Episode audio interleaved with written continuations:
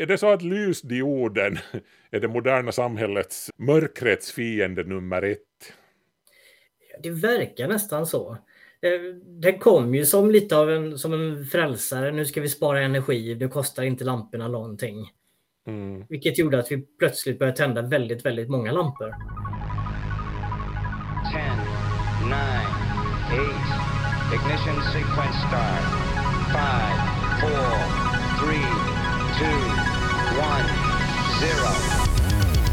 Quantum leap. Saut quantique. Salto quântico, salto quântico, salto quântico. Quantum Salto quantico. Kvanthopp, det du inte visste att du ville veta. Natten är på reträtt. Eh, Nej, nu talar jag inte om att våren snart är här, vilket den nu i och för sig är, men uh, jag talar om att gatljus och konstgjord belysning håller på att ta över den naturliga natten. Ljusföroreningen sprider sig helt enkelt. Vi lyser upp mörkret med artificiellt ljus som stör flyttfåglarnas navigering, sköldpaddornas vandring till strandkanten och, och insekternas pollinering, ålarnas migration och, och korallrevens överlevnad. Samtidigt får vi själva sämre sömn, koncentrationssvårigheter och, och ökad risk för allvarliga hälsoproblem för att vi håller på att utplåna natten. I det här avsnittet av Kvanthopp ska jag tala med Johan Eklöf som har skrivit en bok om mörkret kallad Mörkermanifestet. Den utkommer nu i dagarna på finska också här i Finland.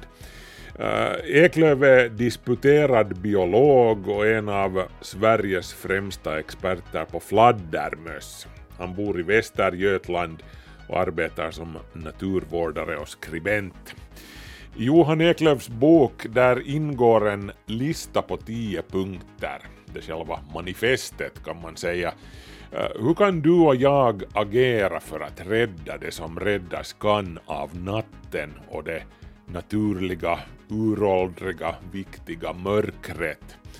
Den här listan ska vi gå igenom tillsammans med Eklöf själv och fördjupa oss i de olika punkternas teman. Välkommen med till Kvanthopp After Dark. Jag heter Markus Rosenlund.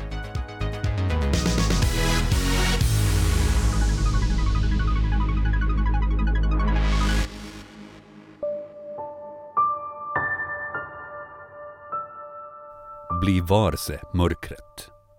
Dygnets naturliga rytm är uråldrig och en förutsättning för allt liv.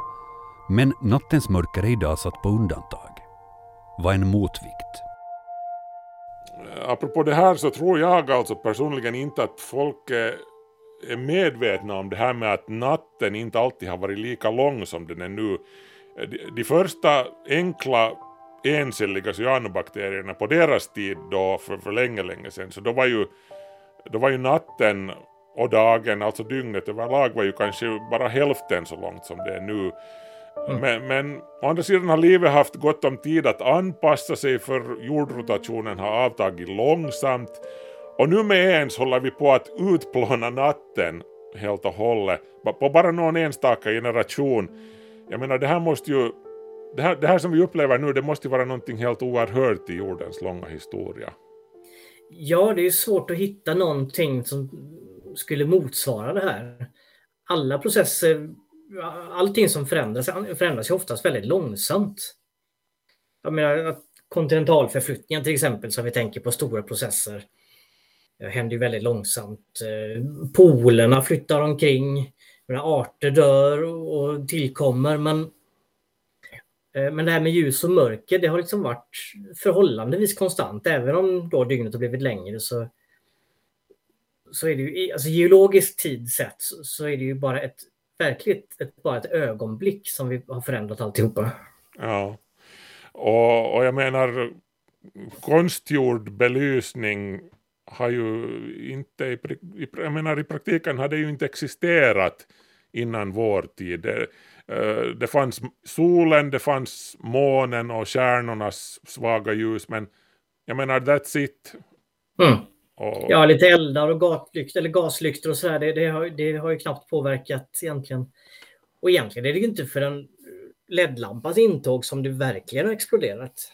Ja, ja, precis. Ja, vi kommer till LED-lampan också. Men vi, vi kan ta punkt nummer två här. Värna mörkret. Vi lever i en värld som tycks bada i artificiellt ljus, men mörkret finns närmare än du tror. En tågresa bort, en promenad, en avstängd mobiltelefon. Var finner du ditt mörker? Och apropå det här så faktiskt så, så jag själv gjorde för, för fem år sedan ungefär en, en mitt livs resa till mörkret. Det var som om jag skulle ha läst din bok redan då.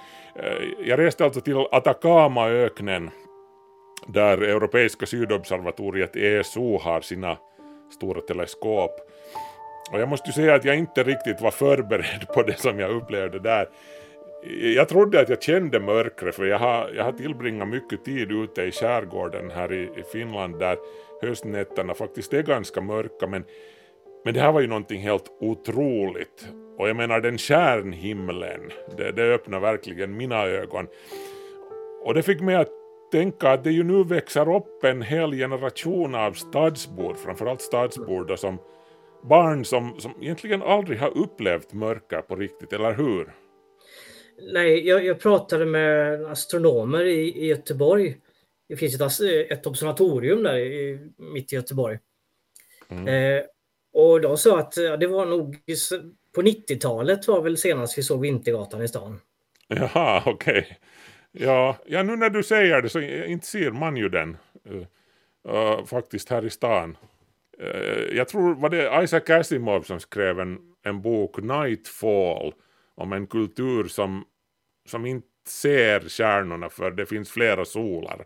Och så här, sen en vacker dag så, så förmörkas alla solarna på en gång och så blir det mörkt och stjärnorna kommer fram och, och, och allting, alla blir liksom helt till sig och all, det, det, blir kaos. Och det är sådär klassiska observationen i Los Angeles där, där det var strömavbrott och folk började ringa och fråga vad det är som händer på himlen. Och så, men då var det ju stjärnor helt enkelt.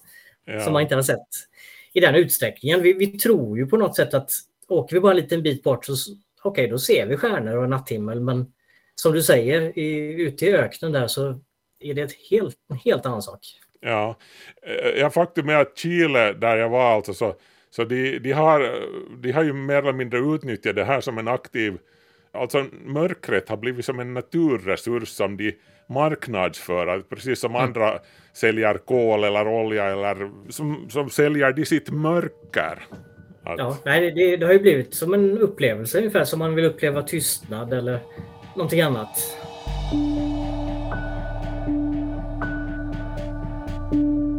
Bevara mörkret i din närhet. Släck ner hemma i rum där du inte befinner dig och låt trädgården få vila i mörker om natten. Se mörkrets och skuggornas nyanser framträda.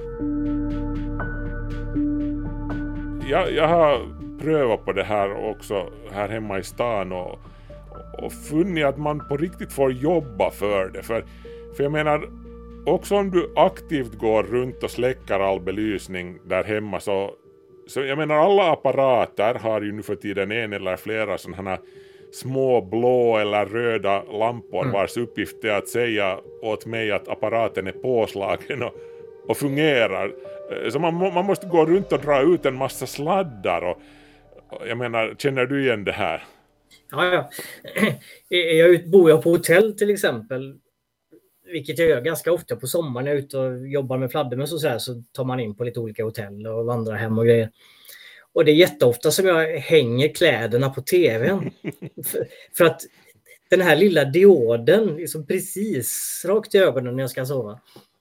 Ja, ja, precis. Och jag menar, de förstör ju också nattseendet, eller? Mm. De här små dioderna.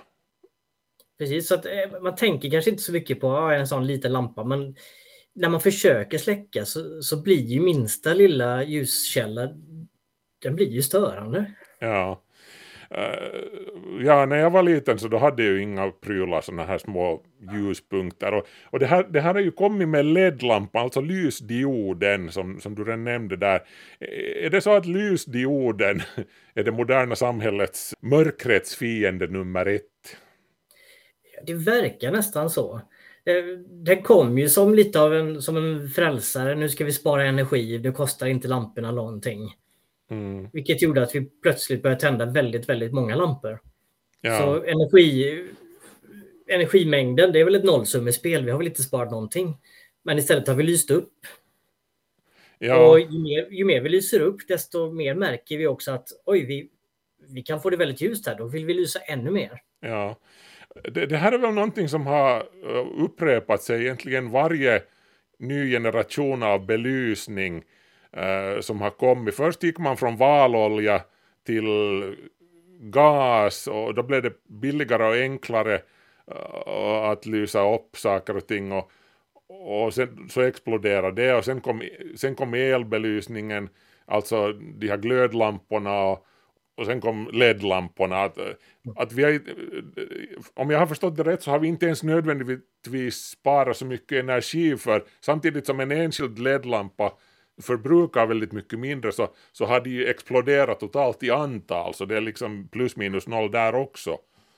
Ja, eh, det kan hända att vi har sparat lite energi på vissa vägar och sådär men sammantaget förut så hade ju inte alla villaägare hade ju inte lampor i hela trädgården till exempel.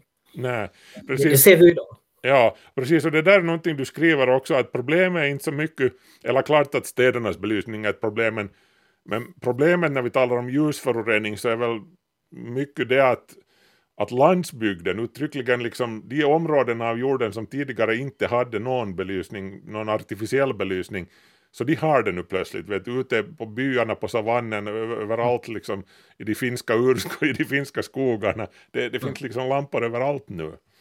Och det, och det är inte så konstigt kanske, om, om man tar exemplet med savannen till exempel, så kan man ju säga, ja men det finns en, en möjlighet som de inte haft förut. Mm. Att med ganska enkla medel lysa upp. Man kan ha en liten solpanel och sen kan man driva rätt många lampor. Ja. Så det, det är väldigt svårt att argumentera mot det på något sätt. Ja, precis. Vi kan, vi kan ju inte som, som västerlänningar som har haft den här, den här, det här privilegiet att ha de här, den här belysningen hur länge som helst, så, så kan vi ju, det, det är lite som med kineserna och kylskåpen som man talar om då tidigare, att när alla kineser vill ha kylskåp så då går det åt pipan med klimatet etc. Men, mm.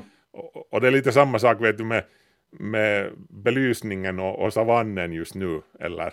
Ja, nej, men det, det blir ju så. så det, det, vi måste göra är väl helt enkelt att försöka få människor att tycka om mörkret samtidigt så att man inte lyser hela tiden utan bara precis när man behöver.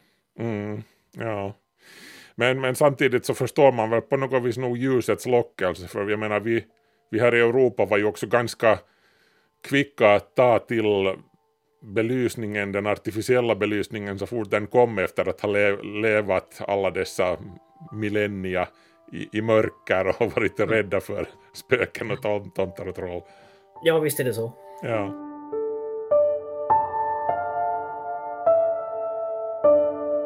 Följ din inre rytm. Låt mörkret omfamna dig innan du somnar. Undvik det blå ljuset på kvällen och låt solen nollställa dygnet på morgonen det här blåa ljuset är väl någonting som ganska långt förknippas just med, med LED-lamporna. Mm. Mobiltelefonernas uh, skärmar har ju länge varit upplysta av LED-lampor. Nu är det OLED nu för tiden, det är lite annan sak, men, men i alla fall har du hört om det här, att, att det blåa ljuset aktivt skadar våra näthinnor? Ja, jag, jag har förstått att alltså, näthinnan är känsligare för det ljuset Mm. Alltså, både rent fysiskt men sen också indirekt genom att det är det som, som gör att det, det hämmar melatoninet så att vi inte, vårt sömnhormon inte kommer igång på kvällen. Mm. Att hjärnan tror att det är dag hela tiden. Mm. Att det blir dubbelt där på något sätt. Nu är det ju många appar och så vidare, så det finns mörkerläge på telefonen och, som tar ner det här blå ljuset lite grann. Men eh, det är fortfarande ett ljus som, eh, som stör vår, eh, vår naturliga sömn. Det är det. Ja. Eh, du som fladdermusforskare kan säkert bekräfta det här. Eh, jag har hört om det här med det här som man säger om, om rött ljus, att man ska använda rött ljus på, på natten när man vill be, bevara sitt mörkerseende. Jag är till exempel seglare själv så vi har röda lampor i båten på natten. Men, men vissa säger att det är lite av en myt det här att, att rött ljus nog också gör illa åt mörkerseendet. Kan du bekräfta det? Hur, hur, vad är sanningen här egentligen? Eh, ja, jag tror inte vi vet eh, hela sanningen. Eh, däremot så verkar rött ljus vara bättre än blått ljus i alla fall. Mm. Så att det är mycket mildare och det stör inte nattsömnen och mörkerseendet på riktigt samma sätt. Och vad gäller fladdermöss så verkar det som att åtminstone vissa arter vågar flyga där det är upplyst med röda lampor.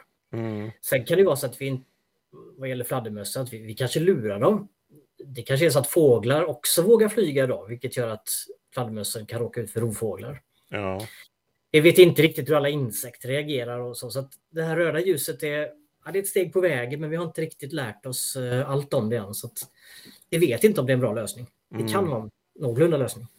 Ja, så, så det här med hur ledlamporna som ju nu har exploderat totalt under de senaste tio åren, alltså, vet man någonting om hur de specifikt, hur det påverkar Uh, jag menar tidigare så var det mycket natriumlampor som, som lyser ganska gult i gatlyktorna etc. Så här lite varmare sken. Nu, nu, nu börjar gatlyktorna också snart vara LED som skiftar mera mm. i blått. Vet, vet man hur det här påverkar på ljusföror, hur det påverkar ljusföroreningen? Eh, ja, tidigare när det var kvicksilverlampor och det var ett väldigt vitt ljus. Mm. Så det, det ljuset lockade ju oerhört många insekter. Ja. Eh, sen när det blev lite gulare och natriumljus så då drabbades insekter inte riktigt lika mycket. Men, och sen kom ju LED-tekniken där man kan styra eh, vilken typ av våglängd man vill ha. Men då har man ju gått åt vitt för att vi tycker att det är mest dagslikt. Och då är vi ju där igen att insekterna dras till ljuset. Ja. Och, och det är förmodligen också så att det påverkar oss mest eftersom just det är mest dagslikt. Ja. Det vill säga ett ljus som lyser när det inte är fel tid på dygnet. Ja, ja. Uh, vilken skulle du överhuvudtaget säga att är, är den värsta formen av ljusförorening? Du skriver till exempel att att det där ljus som, som det där, man har sådana strålkastare som riktats upp mot träden för att lysa upp träden för det är på något vis romantiskt mm. och så här att det, det, det är ju när, när, du säger det så det är ju, det är ju ganska galet faktiskt lysa upp träd, vad ska det vara bra för men, men, men finns det något ännu värre exempel på det här? Ja, men det är den typen av ljus som, som man sätter som bara för att det ska se vackert ut. När man lyser rakt på gamla stenbroar eller upp i träd eller, eller ljus som står på så att vi har en fotbollsplan i en park som är belyst att man ska kunna spela där. Men så står den på klockan två på natten, ingen är där. Alltså den typen av belysning där man liksom inte har tänkt hela vägen. Mm, ja. Eh, finns det något enkelt sätt eh, att, jag menar när du flyger i ett flygplan och ser ner så det lyser ju väldigt mycket. Du ser på satellitbilderna att jorden glöder ju formligen av allt ljus. Men finns det något, något enkelt, något knep som man kunde använda för att få belysningen att vara mera riktad neråt, att liksom dit som den verkligen, där som den behövs för, jag menar den, det är ju väldigt mycket som går åt kråkorna helt och hållet. Ja, alltså det, det finns både sätt att skärma av lampor och, och styra liksom ljuskäglan ner. Eh, men bara genom att ha lite lägre stolpar så kan man ju hindra ljuset att spridas ganska mycket. Mm. Så ja. man bara lyser upp vägarna som man har tänkt att gå på. Ja, precis. Uh, följande punkt. Upptäck nattens liv. Gör en utflykt bortom städernas bländande himlaglim och låt ögonen vänja sig vid mörkret. Se djur komma fram ur sina gömslen, ögon glittra och siluetter passera.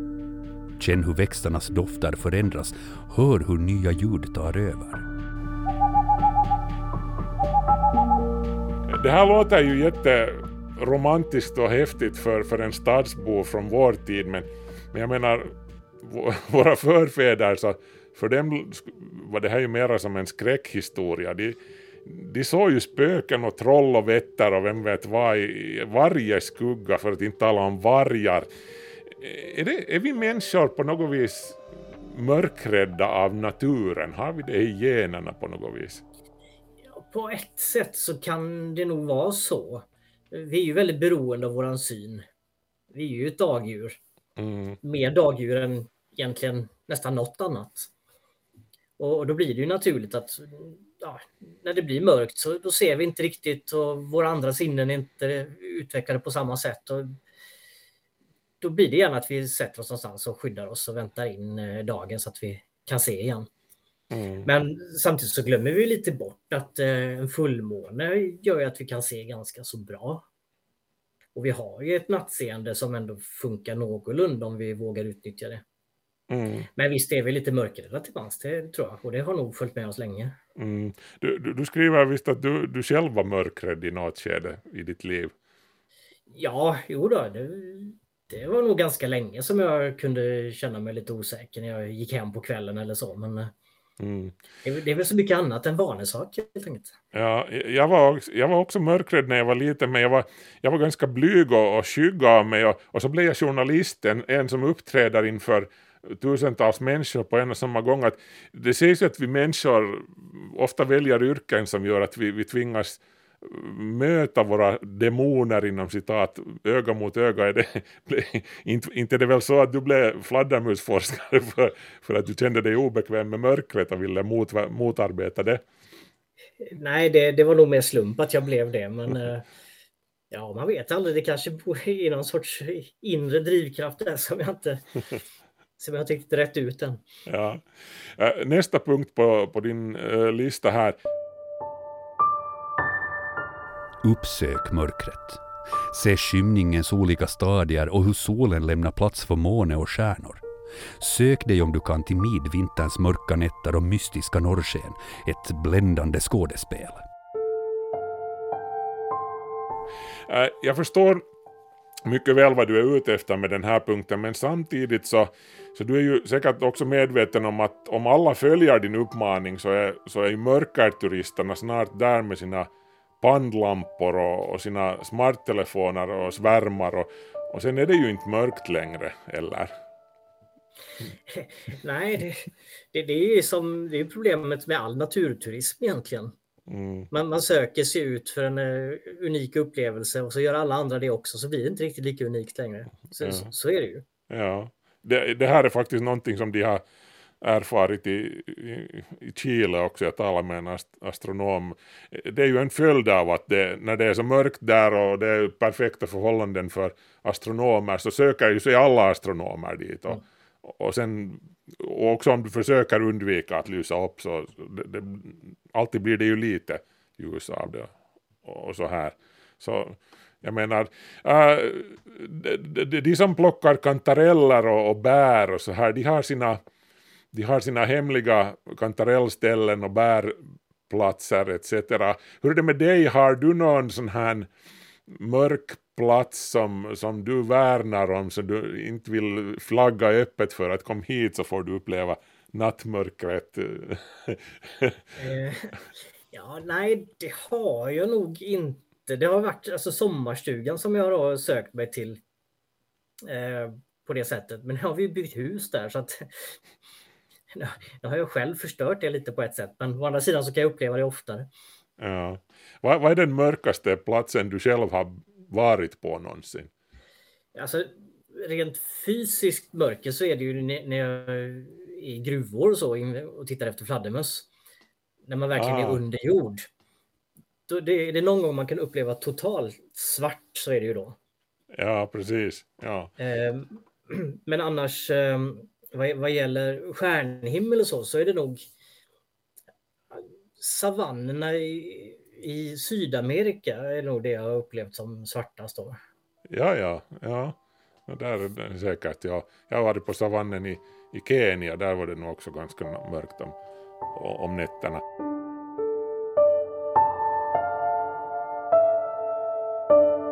Lär dig mer om mörkret och dess betydelse för djurs och växters överlevnad. Inspireras av litteraturen och konsten från tiden innan LED-lamporna tog över natten. Uh, LED-lampan var vi redan inne på, uh, men det här med litteratur och konst är ju intressant. Kan du ge några exempel på, på litteratur och konst som hyllar mörkret? Vad ska man fördjupa sig i? Förutom din, din bok förstås. Ja, alltså om, man, om man tittar på äldre litteratur som, all, som är lite så naturromantisk så, så handlar det ofta om eh, upplevelser i skymning och under månsken och sådär. Och sen så finns det ju några böcker som tagit upp det här med eh, jag har en bok som heter Nattens historia som skrevs ett antal år sedan. En svensk bok som tittar på natten som ska säga, kulturellt fenomen genom alla tider. Vilket är lite intressant hur vi har förhållit oss till den. Mm. Då får man ju ett inblick i kanske hur man, hur man, hur man såg på det innan eh, moderna lampor. Vad, vad, gjorde man på kvällen egentligen och så? Ja. Det är lite spännande. Ja. Och vad gäller konst så finns det ju många så, klassiska målningar av stjärnhimlen och sådär som vi kanske nästan tycker ser lite överdrivna ut idag. Ja, ja precis. Van Goghs uh, stjärn, vad, vad den nu hette på svenska. No, ja. men, men hur som helst, det här för oss uh, faktiskt till nästa uh, punkt här. Tala om mörkret med människor omkring dig. Ju mer kunskapen om mörkrets förtjänster sprider sig, desto större är chanserna att vi kan motverka det problem som en alltför upplyst värld orsakar. Det här med ord, att beskriva, att tala om mörker, om, termer i, liksom, om saker i termer av ljus och mörker, så, så det verkar ju finnas liksom i vårt språk i, i en slags bias, en, en, en övervikt på ljusets sida. Att liksom, vi, vi talar om alla möjliga saker som, som, som är ljusa som någonting positivt. Eh, Jesus var världens ljus och medan den onde var hinhåle var, var mörkrets furste och så mm. vidare. Finns det liksom, det, det, det är på något vis som, som sagt hardwired i, i vår, hela vår kultur, eller vad ska du, säga, vad ska du säga? Ja, jo men det får man nästan säga. Så det, är så, det är ljuset i tunneln och det är upplysning och och sen har vi till skillnad från mörkertal och dunkelt och så, det är liksom skumt och otäckt och så. Ja, precis. Men, men, men, när man pratar med människor hur de faktiskt upplever mörker så, så är det många som tycker att det är ganska avslappnande och så. Ja. Men språket skvallrar ju precis som du säger om att det, det är ljusa som är det goda och det mörka som är det onda och läskiga. Ja, men, men sen å andra sidan, nu finns det ju också, vet du, nu talar man ju om det är sådär mysigt mörkt och man sitter i brasans sken och det är dunkelt. Mm. Och det kan ju vara, det, det, nu finns det ju, det är ju romantiskt också samtidigt med mörker. Ja. Jo, det är väldigt få fina restauranger som tänder lysrören i taket, utan det är ju mer stearinljus. Och... Precis, ja. Uh, ja. Uh, nästa punkt. Påverka din omgivning och var en förebild i bekämpandet av ljusföroreningar. Påpeka för din kommun vilka gatlyktor som bländar onödigt mycket och varför fasadbelysning faktiskt kan strida mot naturskyddsförordningen. Delta i Earth Hour tillsammans med dina grannar. Uh, hur är det med dig själv? Har du fört den här diskussionen med de styrande i, i din hemkommun och hur har det i så fall gått? Det jag skulle säga att det har gått bra, fast det har tagit tid. Mm. Så jag, jag pratar inte jätteaktivt med, eller jag, där jag bodde förut så pratade jag väl inte så aktivt just med kommunen på det sättet. Men där jag bor nu är det en helt annan, eh, ja, helt annan upplevelse faktiskt. Men det är kanske jag har hållit på ett tag och det har kommit ut en del och jag har pratat ganska mycket fladdermöss, jobbat mycket med kyrkobelysningar och det, det börjar sätta sig lite grann så att bemötandet är ett helt annat idag än bara för säg, ett par, tre år sedan. Mm. Så en förändring är möjligt men det går långsamt. Ja, men det är många, många kommuner och länsstyrelser eller så, de är lite rädda för att ta det här, ja, man vill inte släcka. Det handlar ju om trygghet och det handlar om eh, vad, vad folk ska tycka och uppleva rädsla och så vidare. Mm. Samtidigt så tycker de att det är väldigt intressant ämne och försöker ta till sig och fundera på vad kan vi göra?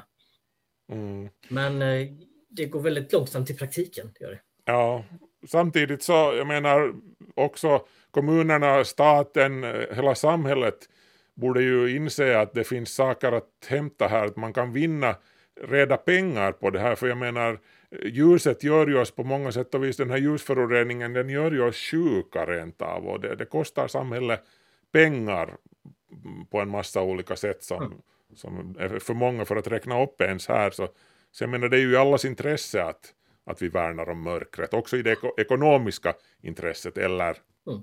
Ja, nej, precis. Det finns all anledning. Så att, eh, det är många stadsplanerare och ljusdesigners och sådär som jobbar ganska så aktivt nu med att hitta vägar runt det här och hitta nya sätt att belysa eller att inte belysa för att fortsatt ha trygghet och mm. så att människor trivs och vågar trivas. Och så. Precis, ja. Okej, vi har kommit till listans slut. Eh, den sista punkten lyder på, i ditt mörka manifest eh, lyder så här. Fånga mörkret. Bli dess vän och njut av det. Det kommer att berika ditt liv. Du, vi var redan inne på det här med att du, liksom jag själv också, var mörkrädd tidigare i ditt liv. På vilket sätt eh, eh, skulle du säga att det har berikat ditt liv när du lärde dig fånga mörkret?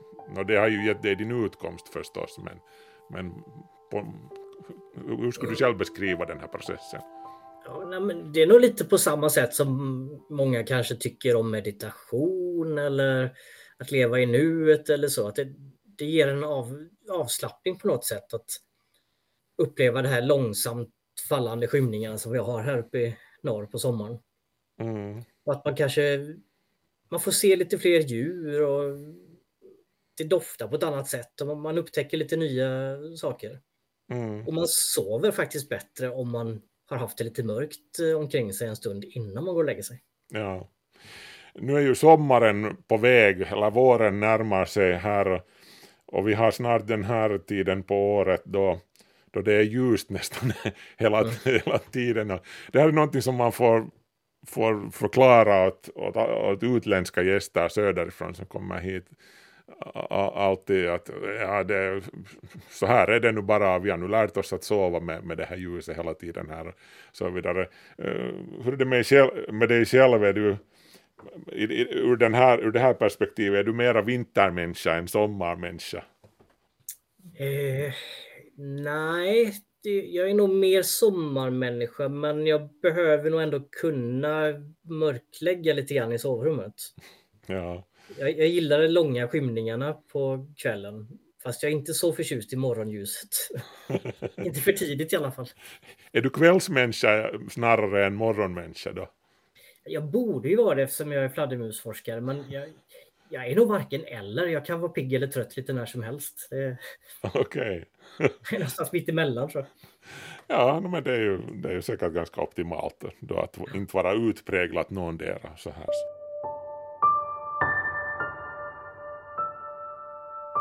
Det, det jag skulle vilja förmedla det är väl att helt enkelt att börja uppleva lite mörker. Mm. Att uh, känna att det är inte särskilt farligt, det är ganska skönt. Ja, jag, jag är helt på, på samma spår som du. Jag, jag instämmer i den, den rekommendationen. Uh, Johan Eklöf, tack ska du ha för, för att du tog dig tid för det här och, och det där. En trevlig fortsättning på våren. Eller ska, en trevlig fortsättning på det som nu är kvar av vintern och, och trevlig vår när den kommer. Mm, tack så Tack, tack.